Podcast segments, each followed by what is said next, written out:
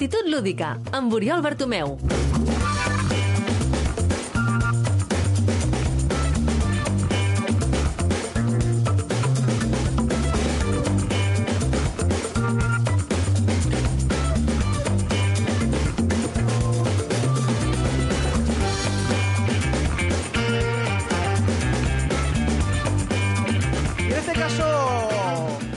Nosotros como consumidores no lo pensamos, pero es obvio que cuando se desarrollan juegos no dejan de haber estos rifirrafes entre el que ilustra la portada, el que la convierte a ordenador, el que diseña los gráficos del juego, cómo se llevan al final a sprites, etcétera, etcétera. Así que para hablar de las relaciones entre ilustradores y grafistas que hubo en aquella época de la de, oro, eh, tenemos a estos invitados que nos van a hablar cómo lo vivieron en su momento. Por favor, recibamos a Ricardo Cancho, eh, grafista en Topo y Animagic.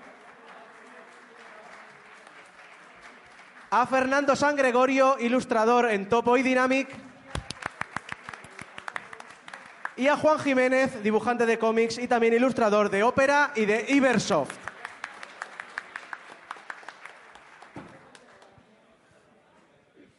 Complicado, es complicado el. No sé, si, no sé si lo era o no, hoy día yo creo que sí. Es complicado esa relación entre eh, la ilustración, el concepto, la idea o crear una portada para un juego que, que os han encargado pero a lo mejor no lo sabéis tan bien, etcétera, etcétera.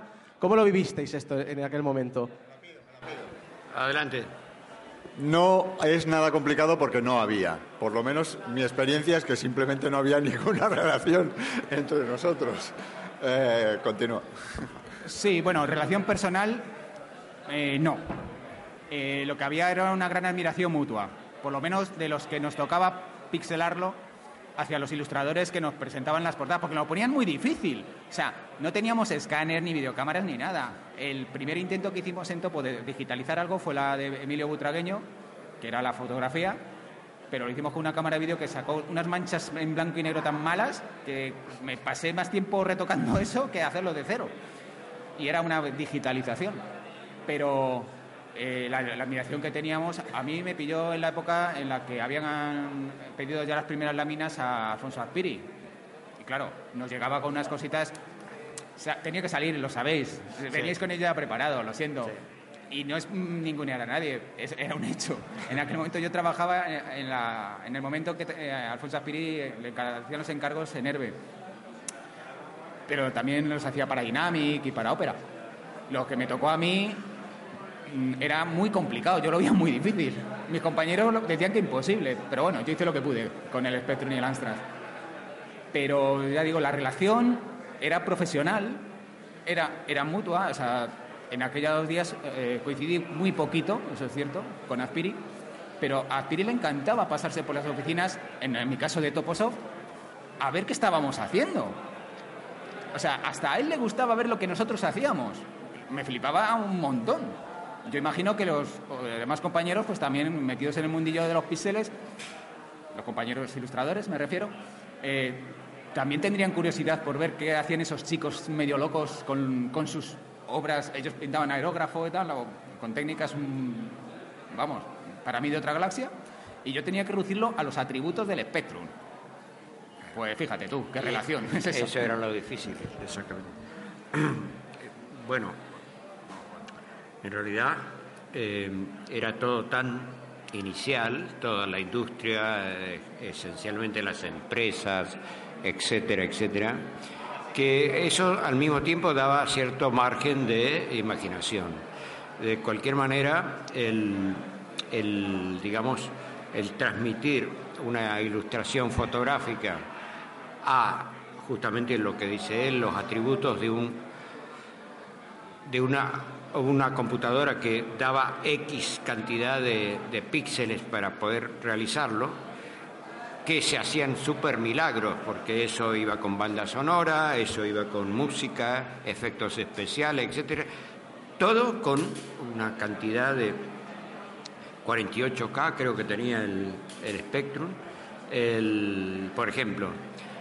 Y eso, con eso se hacía todo lo que están viendo aquí ustedes a través de Abstract, que es más, es más o menos, no más o menos, es una réplica de las cosas que se hacían en, ¿Hacen cuánto voy a decir? ¿30 años? ¿Puede ser? No, sí, casi 30 años. Casi 30 años. Bueno, el, tema este, digo que era fácil, entre comillas, porque si había que hacer una imagen, eh, eh, nosotros pedíamos el boceto inicial, que seguramente le llegaría a él, o el, el grafista nos mandaba su dibujo lo más próximo posible, nosotros decíamos, bueno, este, esto se supone que es un tanque Y, entonces, bueno, dibujábamos ya, agarramos la foto del tanque o lo que sea, avión, tanque, lo que sea, y lo, hacíamos con todos los detalles. Nos dábamos la libertad de hacer lo que les impedía hacer la tecnología a través de los de las computadoras o de los porque todo se hacía a, teclado limpio, ¿no? O sea, Prácticamente, sí. Por lo cual eso es ya de admirar. Nosotros lo teníamos fácil. Hacíamos la realidad, la realidad, la imagen de lo que en teoría estaba ofreciendo ese videojuego. Dice fácil el cabrito, ¿eh? Fácil. Bueno, pero igual era, era muy gracioso eh, engañar al público de alguna manera para que eso sea atractivo para jugar, ¿no? Pero eh, yo creo que le dábamos un punto de partida para que los... Eh, a su vez, hemos fomentado la imaginación de mucha gente, eso es lo único que nos queda. Pero bueno, fíjate lo que nos queda que se está reproduciendo eh, a través de estos salones y estas cosas, la magia aquella que aparentemente ahora está muy superada, que efectivamente en imágenes, calidad, potencia, sonido, color, etcétera, es apabullante. Seguramente todos vosotros lo habéis experimentado. Pero el alma que tenía aquellas cosas era parte nuestra, lo que poníamos eh, en imaginación. Esa imaginación era, no es un consuelo, era muy, eh, digamos, enriquecedora.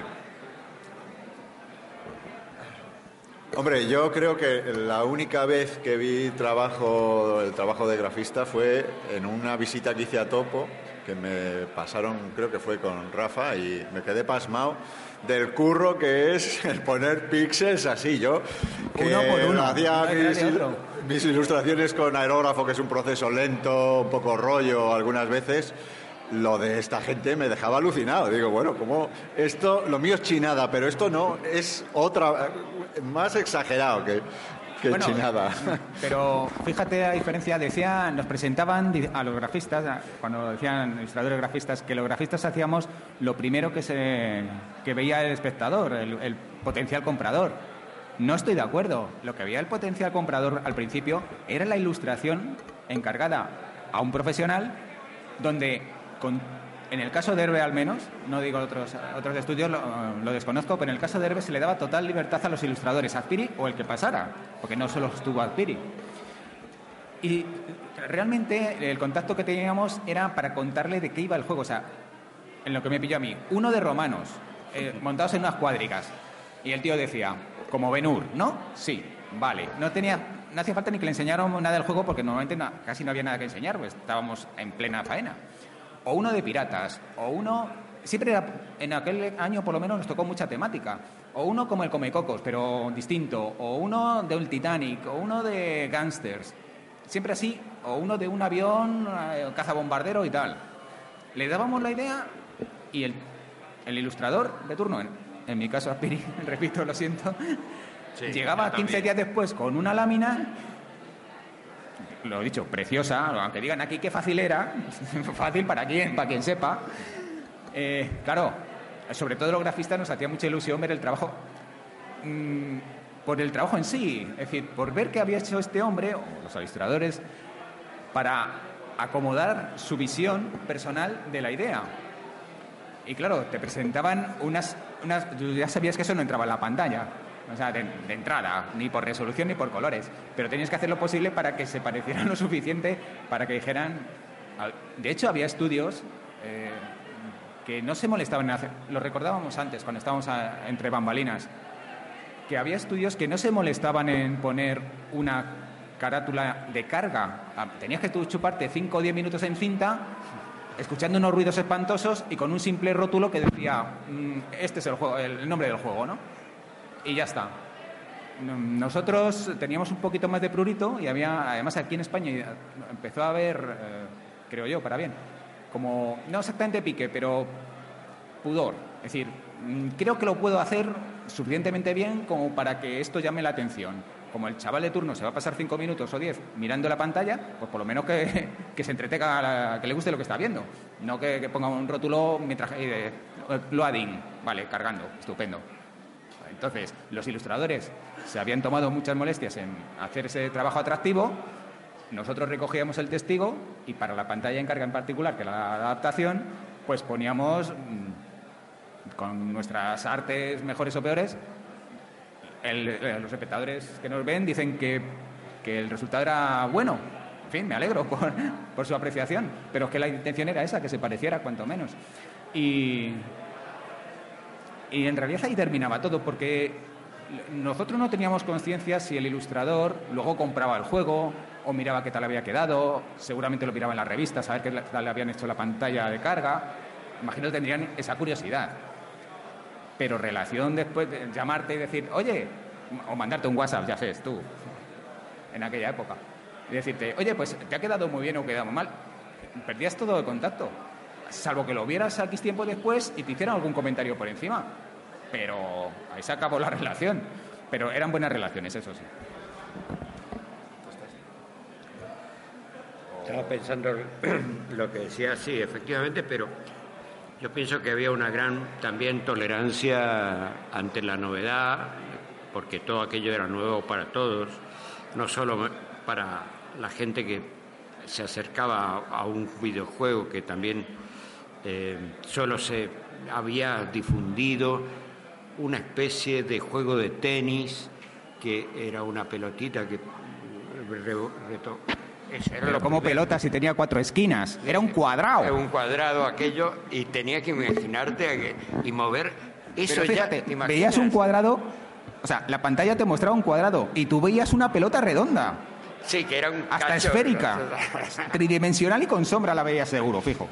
Bueno por eso éramos tan eh, ingenuos digamos de que eso era divertido entonces, entonces, cuando empezaron a, a- a se- parecerse a un un tipo que caminara o saltara, ya era la leche. aquello. Entonces había mucha tolerancia. ¿Por qué? Porque era lo primero y eso es lo que ha marcado, digamos, el amor que uno tiene por todas estas cosas. ¿no? Pe- pero realmente la realidad es que era todo muy nuevo y estaba bien. era lo que había. Acá hay de todo, pero, pero era el... Después vino la afinar, el hecho de, en- al, empezar a progresar eh, la, tecnología, ya empezó la exigencia, digamos, de que había que hacerlo más completo porque la posibilidad técnica se podía, que es lo que estamos diciendo ahora en esta actualidad, que ya es inverosímil la calidad de las cosas que se ven, sonido, etcétera. Bueno, en mi caso yo llegué un poco tarde a empezar a hacer eh, portadas y venía del mundo profesional de la ilustración. Y la verdad es que el tema de los videojuegos, pues en principio parecía un, un sector más ¿no? de, de aquello. Desde un punto de vista de un ilustrador, eh, yo he hecho también muchas ilustraciones de cuentos, tienes la responsabilidad, que la sabes que la tienes, pero incluso en algunos casos te- explícitamente el que te la encarga te, lo dice que es así, que tú le vas a dar imagen a lo que estás ilustrando. En este caso, a mí me pasó exactamente así, que me plantearon que las carátulas de los videojuegos, como los gráficos interiores tenían las limitaciones que tenían, tenían que dar un poco la imagen al jugador de lo que de, lo- de cómo imaginarse o de Historia esa, ¿no? eso por un lado. Por otro lado, ta- directamente también eh, plantearon de que la carátula tenía que destacar, tenía que ser atractiva y que tenías que vender un poco el juego por la carátula. Eh, está claro que se pretendía cubrir algunas veces eh, un buen juego, a lo mejor no tenía una buena carátula y un mal juego pues tenía una carátula muy buena y eso pues bueno, afectaba a las ventas iniciales. Luego imagino que entre la comunidad de los jugadores se pasaría en el, que el juego era muy malo. Bueno, eso pasaba aquí en España y pasaba en el extranjero. O sea, a más de uno de los presentes seguro que tienen en su cabeza y en su corazoncito ese videojuego que se compraron por esa preciosa carátula que, le, que le prometía tanto y después se pegó el chasco de su vida a los cinco minutos de, jugarlo, ¿no? Y viceversa, juegos que a lo mejor no tenían un marketing atractivo por razones X, eh, resultaban ser juegos muy entretenidos. O sea, el Tetris iba casi de boca en boca, no necesitaba una carátula y, consumió horas de juego como el que más. Y sin embargo, por ejemplo, sobre todo conversiones de máquinas recreativas, que claro, eran muy potentes, intentar meter esos videojuegos en una máquina de 8 bits eh, eh, era imposible técnicamente. Y se vendía más la marca, Outrun, Comando o lo que fuera, ¿no? A lo mejor una máquina da un poquito más, un Commodore 64 se movía mejor que un Spectrum, pero vamos, al final no era la máquina recreativa, pero te la vendían con, con todo su glamour, ¿no? Pues en este caso era más o menos lo mismo. Eh, ya que la, técnicamente la máquina no da para tanto, se ponía más énfasis en la, en parte gráfica, en la parte de imagen, obviamente la ilustración porque era donde estaba el campo abierto a la técnica, a las técnicas de dibujo y a la imaginación y, al buen hacer de los ilustradores, porque yo no recuerdo, corrígeme si me equivoco, pero yo no recuerdo de nadie decir que una ilustración de una portada de un videojuego fuera mala. Podían decir que el juego fuera malo, pero nunca he oído decir vaya carátula más fea. Pues, en todo caso, vaya carátula más rara, pero fea, ¿no? Lo que quiero decir es que eh, había, mucho, eh, había mucha más aportación visual en esas, en esas portadas que nuestra adaptación gráfica, incluso de esa pantalla de carga, lo más fiel, comillas, comillas, que pudiera ser. Digo yo, no sé. Bueno, sucedía un poco de todo. Eh, prácticamente, prácticamente la, mejor técnica para hacerlo era, eh, digamos, referente, en mi caso como dibujante de cómic, autor de cómic, eh, tener un guion siempre es, es, interesante. El guion es la descripción de las imágenes que luego uno va a materializar. Prácticamente, en este caso, el guion eh, se resumía a una viñeta, a una imagen en la cual tenías que contar un poquito, eh, como una portada de un cómics, tenías que contar, adelantar un poco al, al tío que vea en el kiosco varias portadas, cuál era la más atractiva. Y en este caso La de la tía buena, la de la tía buena. Efectivamente. Esa era, esa era. Eh, si ponías una tía, aunque luego no se entendía qué lo que era el juego, no importa. Eh, la tía estaba buena. Pero a quien le tocó, por cierto, porque yo no dibujé nunca ninguna, no tuve oportunidad. Y mira que trabajé con Aspiri, que se ponía una tía, aunque no viniera a cuento.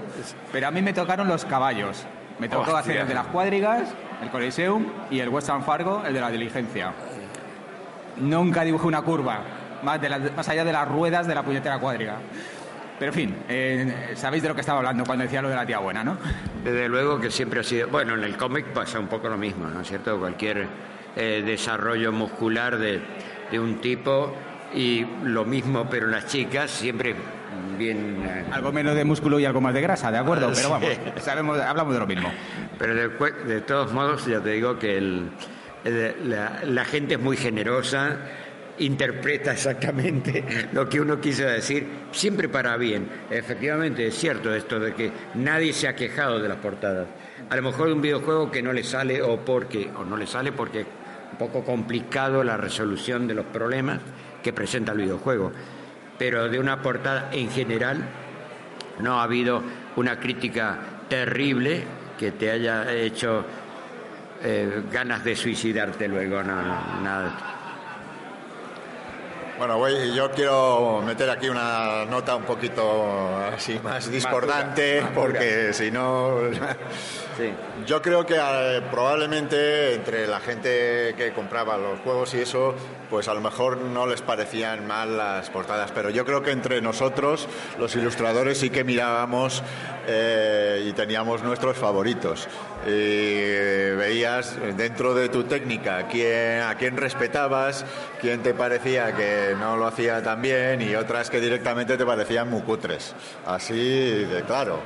Entonces, eh, yo recuerdo que como ilustrador que venía de otro campo, de ilustrador de ilustración de, publicidad y de editorial y de otras cosas, pues el mundo de los videojuegos empezó siendo tenía un aspecto como muy amateur, ¿no? Luego, eh, cuando empezó Juan, y voy a mencionar a Spiri otra vez, pero se instaló un estilo como de cómic. Y nosotros nos planteábamos y- que teníamos ese otro estilo de ilustración. y, pues, hay otros juegos que a lo mejor les pegan más eh, otro estilo, Otro ¿no? estilo, claro. Entonces, bueno, pues teníamos ese tipo de comentarios. Y de hecho yo creo que eh, a mí me llamaron para introducir un poquito de variedad dentro de lo que había con una técnica un poquito distinta. Que si bien estaba, había ejemplos de gente que también utilizaba el aerógrafo y que eran ilustraciones un poco más realistas, eh, aquí estaba Rollo y luego eh, al, que nosotros en nuestro estudio respe- respetábamos un poquito más era al inglés, al Wakelin. Pero en general, pues eh, había muchas cosas que decíamos, esto parece poco profesional, ¿no? Pero claro, ahí está, tú lo has dicho, desde el punto de vista crítico de, la, de la deformación profesional de un profesional. Tú ya no mirabas un juego, tú mirabas, tú examinabas el aspecto de marketing y, de, y visual de del trabajo de otro. Lo cual es bueno también, porque crea competencia, crea estilos, crea contrastes. Yo recuerdo también, en mi etapa profesional, que cuando pillaba un videojuego de otro, lo que hacía era cargarlo en cinta y ver cómo cargaba la pantalla de carga. El juego me interesaba muy bien poco. Yo quería ver si habían hecho bien la pantalla de carga. Y me fijaba en los detalles, en los fallitos o en las virtudes, según el caso que tuviera cada una. Pero porque era lo que yo quería ver. Pero a nivel personal. Lo que hablaba yo antes de que no, no creo recordar que hubiera habido una mala crítica por una portada, me refería desde el punto de vista de, la audiencia, ¿no? De, de a quién iba dirigido del público al que iba dirigido esas portadas como gancho, primer gancho visual para que hagan la compra de turno, que era de lo que vivíamos en, en aquel momento, los, que hacíamos los juegos. Pero vamos, eh, fuera de eso no creo que haya habido una crítica espectacular contra nadie, al contrario, recordamos con mucho cariño vuestros trabajos, los de Rollo, los de Aspiri y, y todo el que haya pasado. O sea, in- incluso hubo una carátula, entre comillas, muy rara, que era en blanco y negro y delineada, porque el original era a lápiz y se le ocurría a Paco Pastor que como el tío se tenía que ir a la mili, que la publicaran así. Hicieran un concurso para que la colorearan y, y luego lo publicaran. O sea, pero nadie dijo que el dibujo fuera malo. Estaba incompleto, a secas. Creo que es el caso más... Ahora, que yo eso eh, fue culpa mía, ese fui yo. Ah, mira. Er- er- Eras tú el que se fue a la mili, entonces. Ese fui yo, creí que lo estabas diciendo para jorobar. Ah, no, no, no, no, en absoluto. Lo estaba Pues sí, poniendo- sí, al sí. te puse lo estaba poniendo como un ejemplo extremo de, de trabajo incompleto que salió publicado. Y, ni, y, y al- de hecho hubo más críticas porque no publicaran la versión... No, no, no, no me voy a defender, eso fue culpa mía total. No, no, no, pero, pero, pero da pie a esta anécdota. Pues, hablando de críticas, se criticó mucho más que Herbe no cumpliera su palabra de publicar la versión coloreada por el ganador del concurso que el hecho de que apareciera la carátula en esas original en esas condiciones. en Bueno, os sabéis la anécdota porque si quieres la contamos y tal, porque fue graciosa. bueno, eh, esa fue la última carátula que, que me encargaron. Eh, no porque fuera hubiera este asunto, sino porque, como has dicho bien, pues me la encargaron cuando me faltaba un mes para que me llamara, que tuviera que ir a la mili. Entonces yo dije, bueno, un mes me da tiempo, me da tiempo hacerla y además era divertida porque era una carátula con una escena cómica El de Ma- del terror, el Mad 2. Mix 2 y yo pues eh, no es que empezara a sentirme encasillado en, en hacer las caras de los deportistas, sino que bueno, pues así varía un poco más el asunto, ¿no? Y me pareció muy divertido y yo esto lo quiero hacer, ¿no? Así que le dije a, a Paco Pastor de Herbe, le digo, vaya, me- venga, te hago la, la carátula. Entonces, el dibujo ese era una parte del proceso que yo usaba siempre.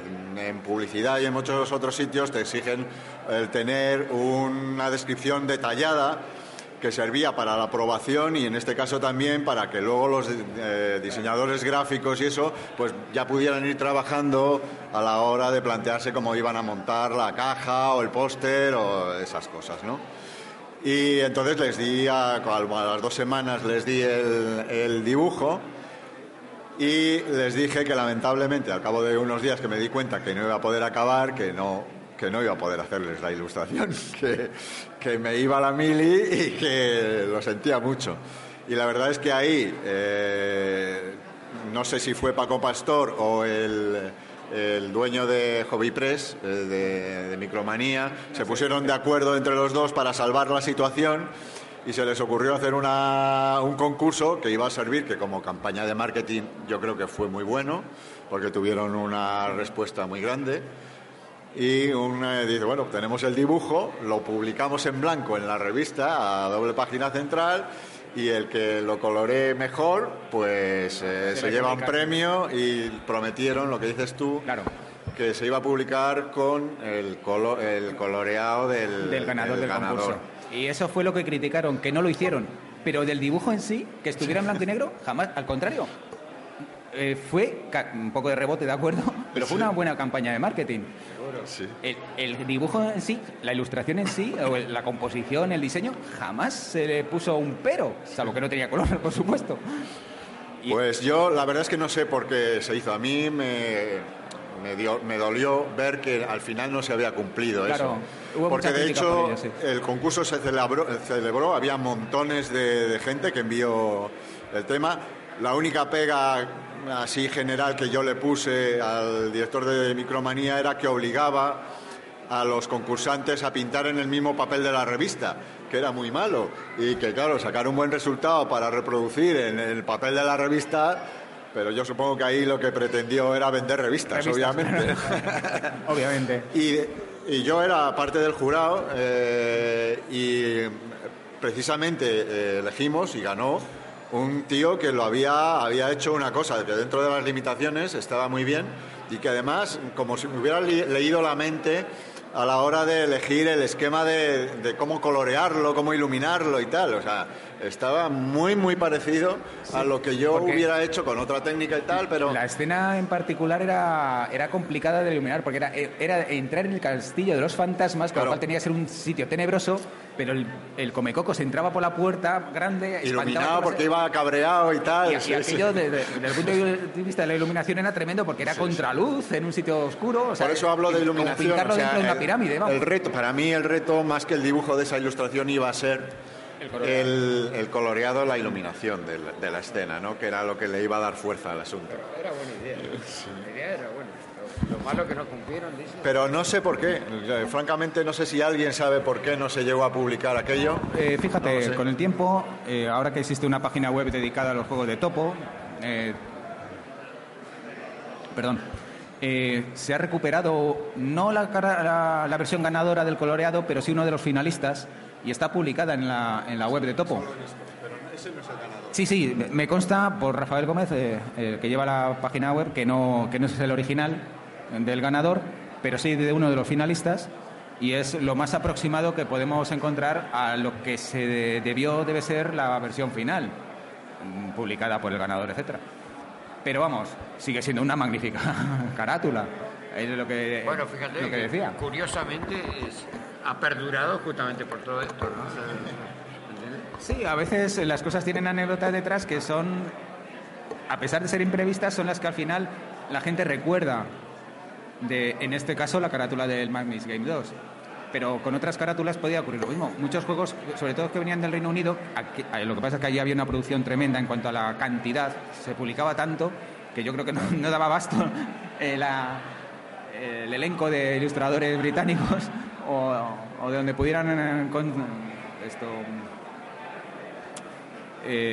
contratarlos. y muchos videojuegos, incluso de cierto renombre, venían con unas carátulas mediocres desde el punto de vista ya mm, visual, ¿no? Decías, o, una de dos, aquí en España nos habíamos acostumbrado a un nivel muy elevado de calidad visual, o allí llegó un momento en que no daban abasto y empezaban a, contratar gente que no daba el nivel. No estoy de acuerdo. Yo sé que en, que en Inglaterra había muchos buenos ilustradores. Sí, sí.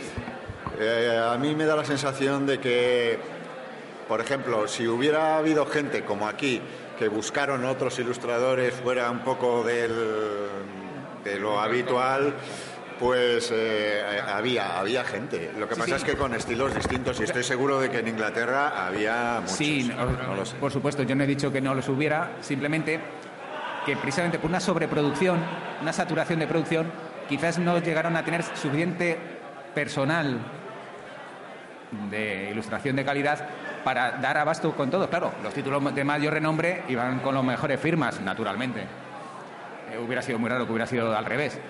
Pero, y, juegos que no eran exactamente de relleno, porque se publicaba mucho, llegaban a, llegaba un momento en que no podían tener la carátula soñada, vamos a llamarla así.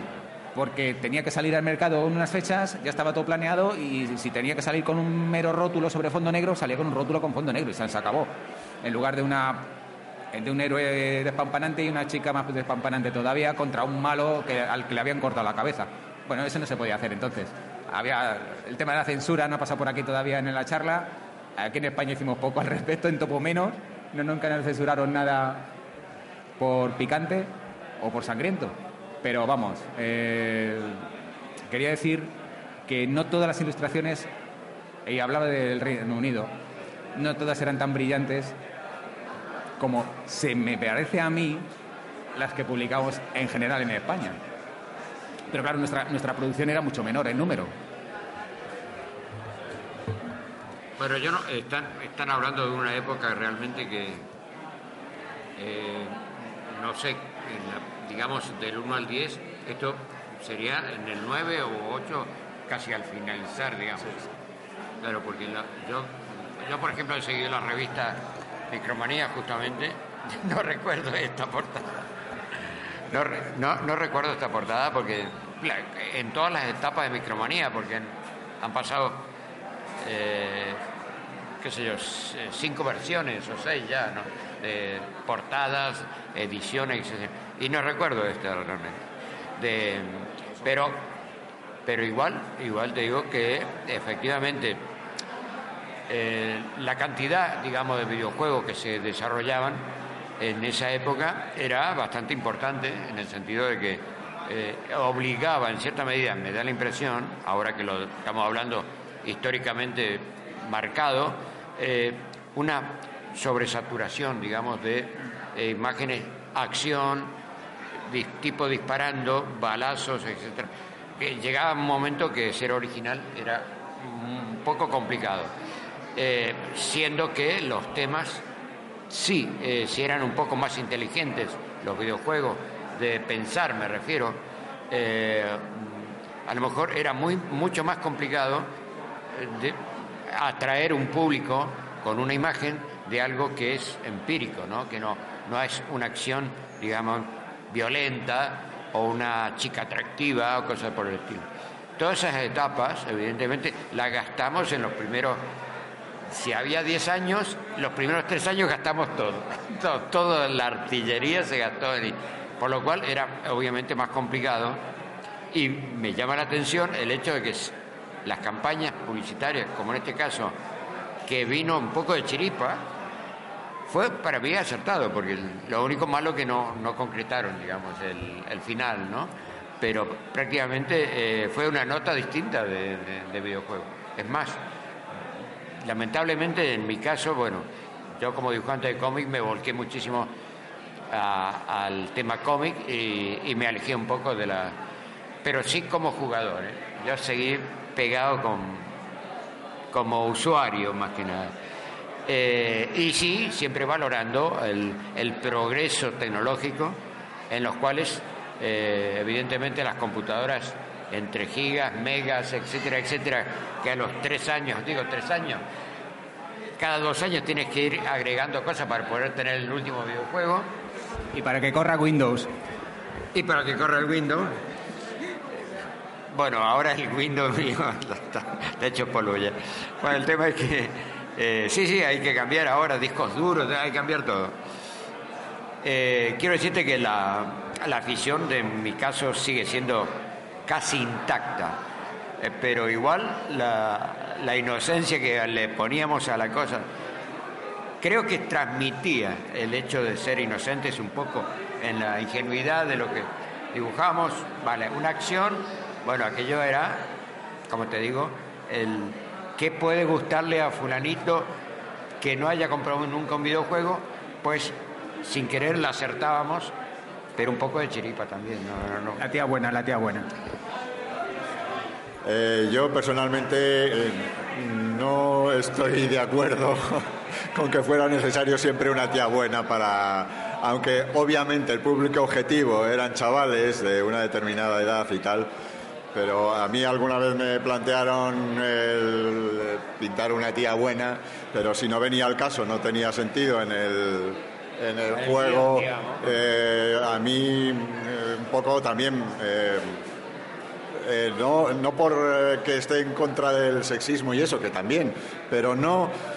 Es que simplemente lo veía como un pegote. ¿Esto por qué? ¿Qué necesidad? En realidad Para llamar la atención, o sea, si el objetivo es llamar la atención del cliente, yo creo que hay formas de llamar la atención sin necesidad de poner un bikini en la cubierta, no sé, eso... Por supuesto, yo bromeaba con el tópico, con el topicazo. Hay otra... Pero, pero es que este topicazo eh, ha llegado a ser topicazo precisamente por eso, por eso mismo. Entonces, eh, nosotros no, cuando hacíamos videojuegos, y ya no por una cuestión de censura, sino no se nos ocurría necesariamente tener que pintar una heroína de curvas exuberantes o, o la chica a la que había que salvar o la princesa que había que rescatar. Nuestra, nuestro como desarrollador, me refiero, ¿de acuerdo? Eh, no era nuestro objetivo. Nosotros se nos ocurrían un montón de paridas y de ideas y bueno, mm, algunas las aplicamos al videojuego, pero rara vez se nos ocurría ese tipo de cosas. El calentorro de Aspiri siempre venía con una tía bajo el brazo, menos para mí, claro, los caballos pero ya sabemos de qué pie cojeaba ese hombre. Entonces, mm, no nos... o, rollo, por no mencionar siempre a Piri, ¿de acuerdo? Ya, aunque fuera con el que yo trabajara.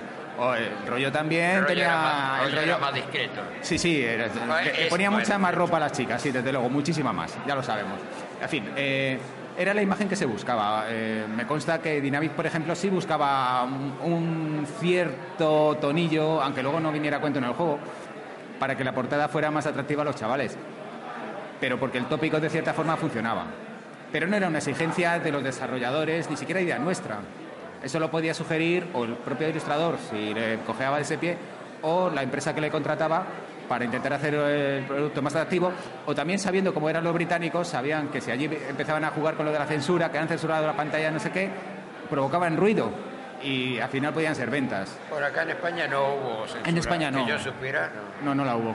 De hecho, a lo mejor por eso a los desarrolladores nos mm, resbalaba un poco más el tema, ¿no? Ahora, fuera del país sí sé que ha habido censura. En, el Reino Unido sí, constaba. Eh, inclusive en, países del este, que uno, eh, o digo del este por decirte, alejado de, España en sí, era, eh, había más censura en imágenes chocantes, pero no con visos sexuales. ¿no?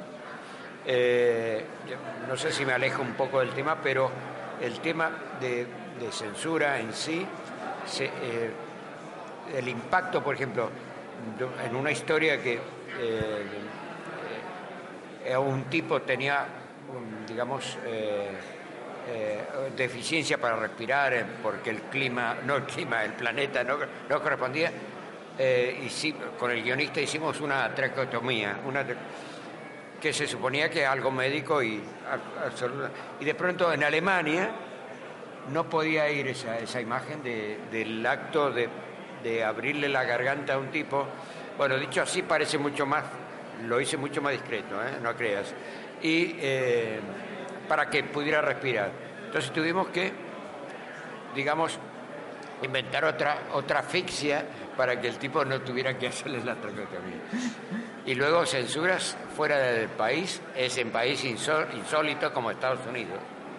Estados Unidos no puedes eh, poner un pecho desnudo en dos páginas seguidas. Entonces, páginas por medio sí. Pero, ¿qué pasa? Una tía que se desnuda se tiene que vestir en la página siguiente. Para, bueno, cosas de esas sí. Pero en la ilustración, y volviendo al, a los videojuegos, nunca tuve ninguna, ninguna objeción. Eh, aquí la, la, única directiva que había era eso, que, la carátula ayudara a vender, o sea, que fuera atractiva. Luego, cada uno, a mí jamás me dijeron que hiciera nada en concreto. Por lo general, que, a mí me conste por lo menos, eh, a los creativos se les daba total libertad. Sí. Eh, se confiaba en sus dotes profesionales, las demostraban y estaba, como te decía antes, yo no recuerdo críticas por las, por las ilustraciones en ningún sentido. Al contrario, yo he recabado más mm, apreciaciones positivas de qué bonito, qué atractivo, qué, incluso chocante, qué, qué, diferente, según qué carátula. En mi caso, las únicas eh, limitaciones que sí existían y además en una ocasión provocó la modificación de una de las carátulas eran cuestiones de derechos. Eh, obviamente, como eran imágenes de deportistas, pues eh, sobre todo las de Butragueño, Michel y Petrovic, pues eh, quien vendía los derechos era el propio deportista. Entonces el equipo en el que jugaba no podía salir. Entonces había una directiva clara de que no podía vestir la, equipación del, equipo. Entonces por eso salen tanto Michel como Butragueño vestidos con la selección española, porque esos los derechos son, de, son libres, ¿no? En el caso de Petrovic es una eh, eh, equipación que es similar a la que usaba el Real Madrid en aquel momento pero está cambiado el color de, las bandas laterales, que era morado y está pintado de color amarillo o naranja. Y la, que, la única modificación que hubo fue a posteriori en esa cubierta, porque yo no me di cuenta eh, a la hora de hacer la ilustración que Fernando Martín era compañero de Petrovic en el, Real Madrid y eh, le puse de compañero en la ilustración.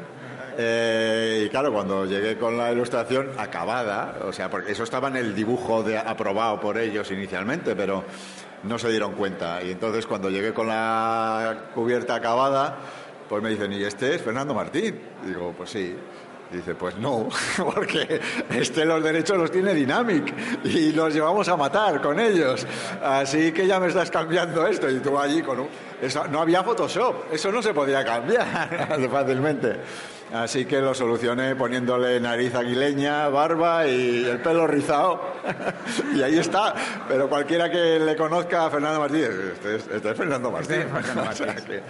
de eso sí que había algún tipo de condicionamiento, pero de otras cosas, nada, totalmente libre. Yo estaba acostumbrado, por ejemplo, en publicidad, que te dirigen hasta el máximo y está todo controladísimo y tampoco me lo tomo mal el que te digan, mira, prefiero que hagas de esta manera o de otra. Pero en este caso, eh, la verdad es que el mundo de los videojuegos en eso sí que era muy libre. O sea, te permitía hacer un poco lo que tú quisieras. En la de Mad Mix no me dijeron absolutamente nada. Y de hecho, los briefings, eh, eh, a mí por lo menos me contaban un poquito en general de, lo que iba al juego, pero ni idea. Y nunca vi un gráfico antes de hacer la ilustración de cómo iba a ser por dentro, nada. O sea, que yo creo que trabajamos en paralelo con ellos. Sí, y a veces divergentes. Ha habido ocasiones en la historia de los videojuegos que el ilustrador ha tomado la idea por un camino, el desarrollador por otro, y al final no, no casaban para nada. Otros, otros casos también, por ejemplo, de videojuegos que se han licenciado en España pero les han cambiado por completo la, la cubierta, vamos a llamarla así, el envoltorio, y se ha hecho una ilustración nueva y tal, y de nuevo no casa nada con el contenido del juego. O sea, ha habido casos, mm, anomalías, vamos a llamarla así, de trabajos en paralelo porque efectivamente discurrieron en paralelo incluso en, sentidos divergentes. Eh, cuando preguntaban por las relaciones entre ilustradores y grafistas, y lo primero que dijo San Gregorio, no la había, no ha mentido. Relación profesional, es decir, sentarse codo con codo a desarrollar una idea, nada. Eh, eso, de cuadrigas, de Titanic, de no sé qué, pero, pero Titanic, cuadrigas, deporte, yo se lo puedo entender, pero tú lo conocerás mejor. ¿Cómo le explicas a un ilustrador el concepto de rock and roller? Que era un juego, era un Rally X. Bueno, vamos a ver. No fui yo quien participó en ese juego, pero fui compañero de quienes lo hicieron. Hablo por ellos. El, and roller era, eh, lo hizo el, mismo programador que hizo el Mammy's Game, que era la adaptación de un Come Cocos, de un Pac-Man eh, pues el, Rock and Roller era otra adaptación de otro videojuego clásico, el X-Rally.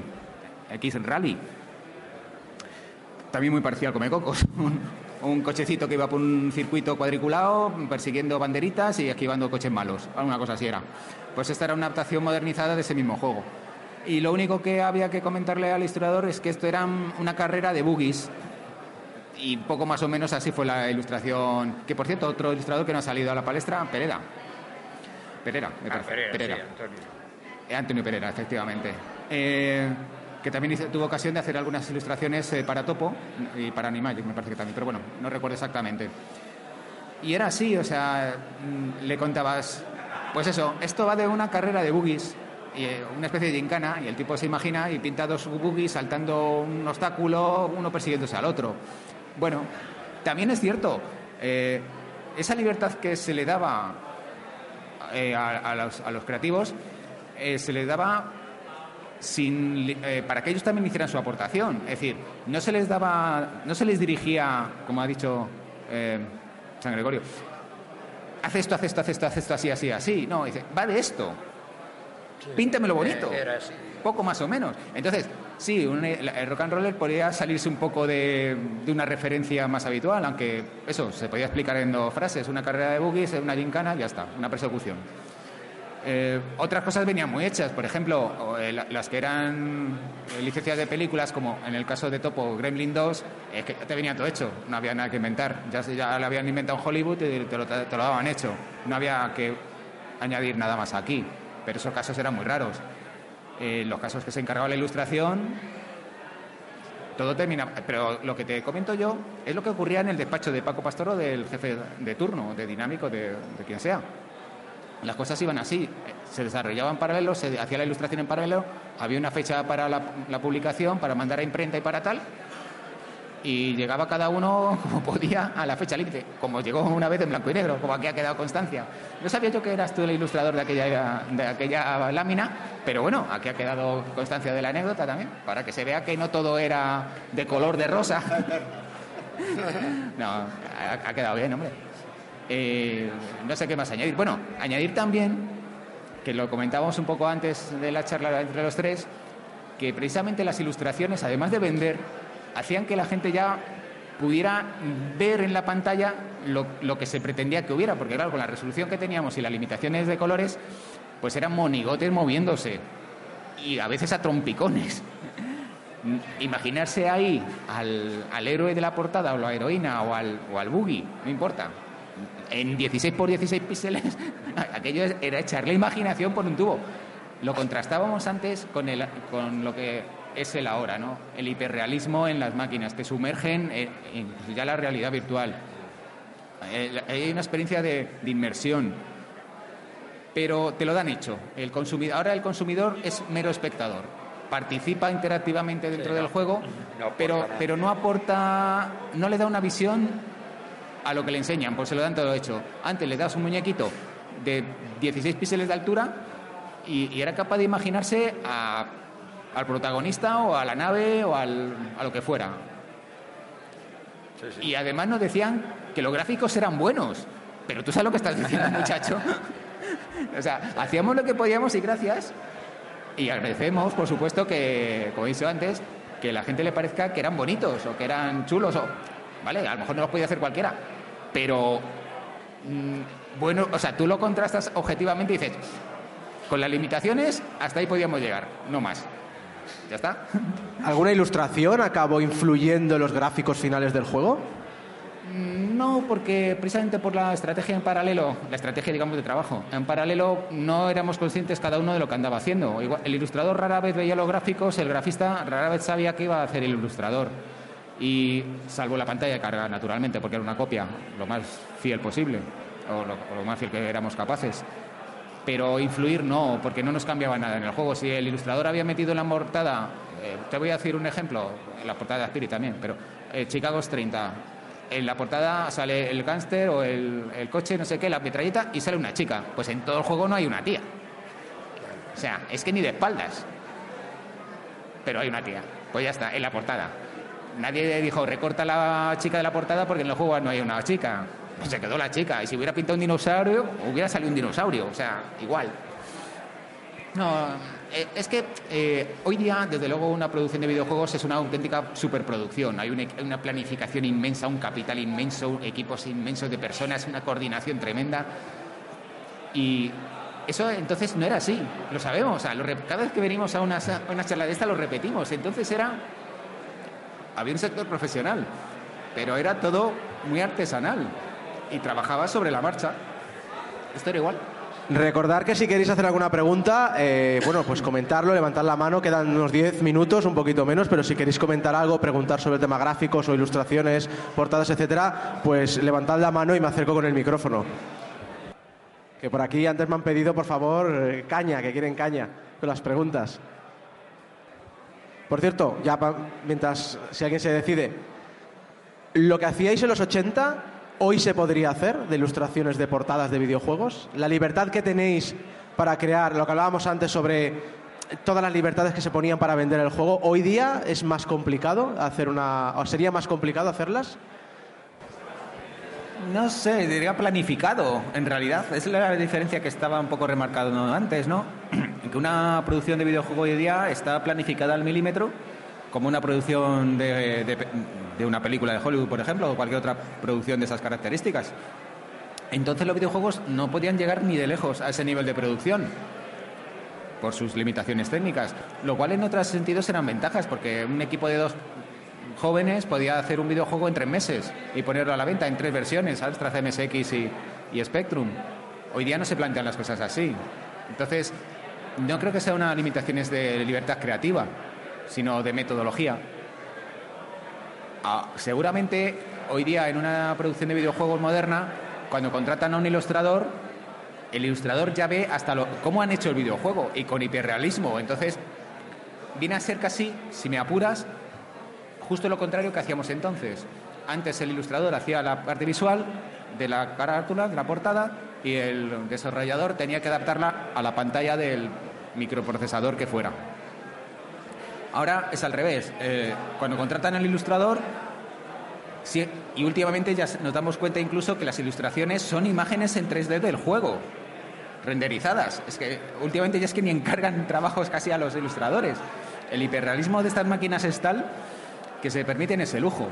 Pero incluso aunque contrataran un ilustrador, le iban a mostrar el trabajo terminado. Y, y si el tipo tiene la cara de Stallone, por decir alguien, el ilustrador va a tener que pintar a alguien con la misma cara del Stallone. No se va a poder inventar otro, aunque él pensara que podía ser mejor otro tipo de, de carácter. ¿no? La diferencia yo creo que de metodología, no de libertad creativa. Eh, bueno, yo ahora no sé cómo se hacen las carátulas y tal, y muy probablemente se hagan así. Me parece que si se hacen así es un poco triste porque una de las bases de la ilustración de una carátula o una cubierta es precisamente condensar lo que decía Juan, es todo el juego en una sola imagen. Y sé por experiencia que en 3D, por mucho que hagas una composición, el sacar un fotograma de 3D, por bien que salga, no suele darte ese resultado. En general tienes que hacer una composición, aunque parta de elementos eh, de lo que hay, en 3D o fotográficos o lo que sea, con un concepto de ilustración que resuma el juego. O sea, el concepto de partida es distinto y yo creo que se nota cuando directamente te colocan un fotograma, es como si anunciaran una película de cine, que todos los vemos más claro, con un fotograma de la película. No hay ningún fotograma de la película que resuma la película se necesita hacer un cartel de cine para, para, representar la película. Es más, eh, todos recordamos grandes carteles de cine y por ir a unas ilustraciones similares a lo que hacemos en los videojuegos, voy a, a nombrar a otro de mis ídolos, que es Drew Struzan, el que hacía todas las carátulas, los, eh, los carteles de cine de la Guerra de las Galaxias o de eh, Indiana Jones y esas cosas, y que fíjate si podrían tener fotogramas chulos eh, dentro de la película. Sin embargo, cualquier imagen de Drew es mucho más potente con parecer una ilustración lo que hubiera sacado de una, de una carátula. Creo que el tema es un problema de concepto, eso, de resumir en una sola imagen de lo que va el asunto. Y eso Sí. hace falta un planteamiento de ilustración, no de extraer una, Sí. una fotograma, ni siquiera de hacer una foto. O sea, ni siquiera bueno, con una foto estoy- se puede sacar. Estoy, eh, eh, esencialmente estoy de acuerdo contigo. Yo antes cuando mencionaba que últimamente hay una tendencia, o yo aprecio una tendencia, de que los últimos videojuegos de las consolas de última generación, sus carátulas están prácticamente sacadas de renderizaciones 3D de- del propio videojuego. Eh, un Halo o un Assassin's Creed son eso. Pueden estar luego retocadas, de tener, pero ya la, base de la ilustración ha venido casi desde la máquina, no desde el ser humano. Han podido elegir el ángulo, han podido elegir el, el- el- escenario. Esos carteles que tú mencionabas de Guerra de o Indiana películas, por cierto, muy de acción, muy de videojuego, unos videojuegos en sí mismos prácticamente, las propias películas de acción, pues daban pie a esas cartelerías tan preciosistas, porque lo son, y, y- y los videojuegos de la época que estamos hablando nosotros, los años 80, heredaban mucho de eso. Pero cuando he, con- he contrastado con el ahora y con esa tendencia que yo aprecio de emplear, y no sé si es por una razón de costes o no, o por una cuestión de estética, es decir, asociar tan directamente la imagen de la carátula con lo que ya contiene el juego de por sí, porque lo contiene. No hay ninguna invención, lo que decía antes, de por medio, no hay una aportación ilus- de ningún ilustrador ajeno a la producción del juego de por medio. Antes era dos mundos que se juntaban en una cinta de cassette. Nos quedan nada, dos o tres minutos, pero creo que hay hueco para una pregunta del público. Buenas. Buenas Em, tardes. una preguntilla muy directa. ¿Qué tiene que tener un juego hecho hoy para un ordenador como Amstrad para que estuvierais dispuestos a hacer su carátula, su caja, algún material del estilo? Y dos, ¿cuál es vuestro caché? ¿Cuál? Está tanteando, está tanteando, ¿eh? No, no he oído la pregunta, lo siento. La, bueno, ¿quieres repetirla? Sí, La primera sí, pero la segunda. ¿Que ¿Cuál es vuestro caché? Ah, la caché. Pi- eh, Yo no soy el ilustrador. Ah, eso es, es que no, no, juégate. No, porque hoy día yo utilizaría un escáner, obviamente. Para digitalizar, quiero decir. Eh, bueno, eh, yo estaría encantado de hacer cualquier eh, carátula de un juego que, que se hiciera aquí. A mí me parece, como he comentado antes con la gente, que eh, no entiendo muy bien por qué no se siguen haciendo juegos ahora. A mí no me parece que fuera más fácil hacerlo eh, entonces que hubo todo este movimiento que hacerlo ahora. A mí me parece que sería más fácil hacerlo ahora. Entonces, yo creo que las buenas carátulas y gente que queremos hacer carátulas van con la industria. Si hay industria, si hay movimiento, estamos encantados. ¿Entiendes? O sea, no. Y no creo que ninguno pusiera ningún problema. A ver, voy a chequear la calidad del juego y tal, para ver si le hago la, cubierta o no. Yo creo que nos fijaríamos, por lo menos en mi caso, como fue en el pasado, en el que sea un proyecto que tiene una ilusión y que sea dentro de las posibilidades de la empresa que te lo pide, serio y que valore el trabajo que le vas a aportar, porque tú también quieres tomártelo en serio. Entonces, eso sería la cosa. ¿Que cuánto cobraría? Pues hombre, depende de lo que se pida. En general, las tarifas, yo al menos, van un poco relacionadas con el curro que tiene una ilustración. En aquella época a mí una ilustración me llevaba a hacerla entre tres y cinco semanas. Era casi un mes, ¿no? Bueno, pues si se requiriese una ilustración de ese nivel, pues, eh, Pues ya sabes, en blanco y negro. un salario intermedio y te sale la cifra. Pero si es una cosa que se hace en una semana, Pues entonces, desde luego no va a ser eso. Entonces, pero eso se habla en el briefing. En blanco y negro y te la coloreas tú.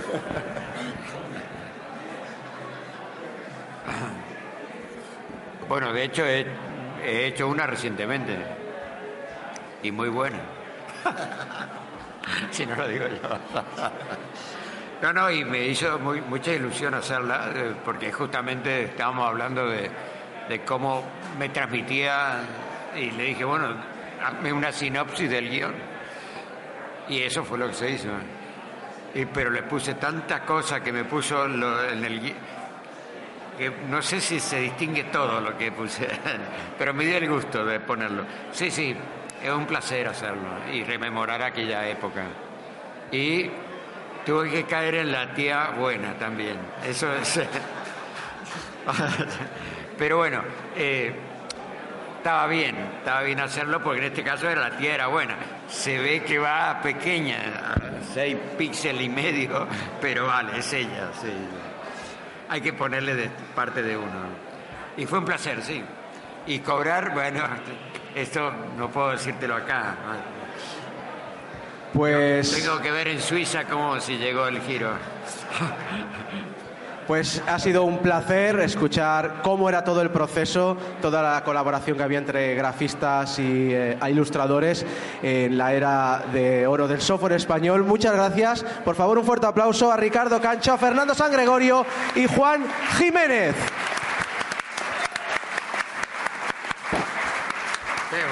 Y recordar que en 10 minutos comenzaremos una otra ponencia con la historia de Agradecemos Cripso. que no se haya ido nadie en este momento. Porque verdad-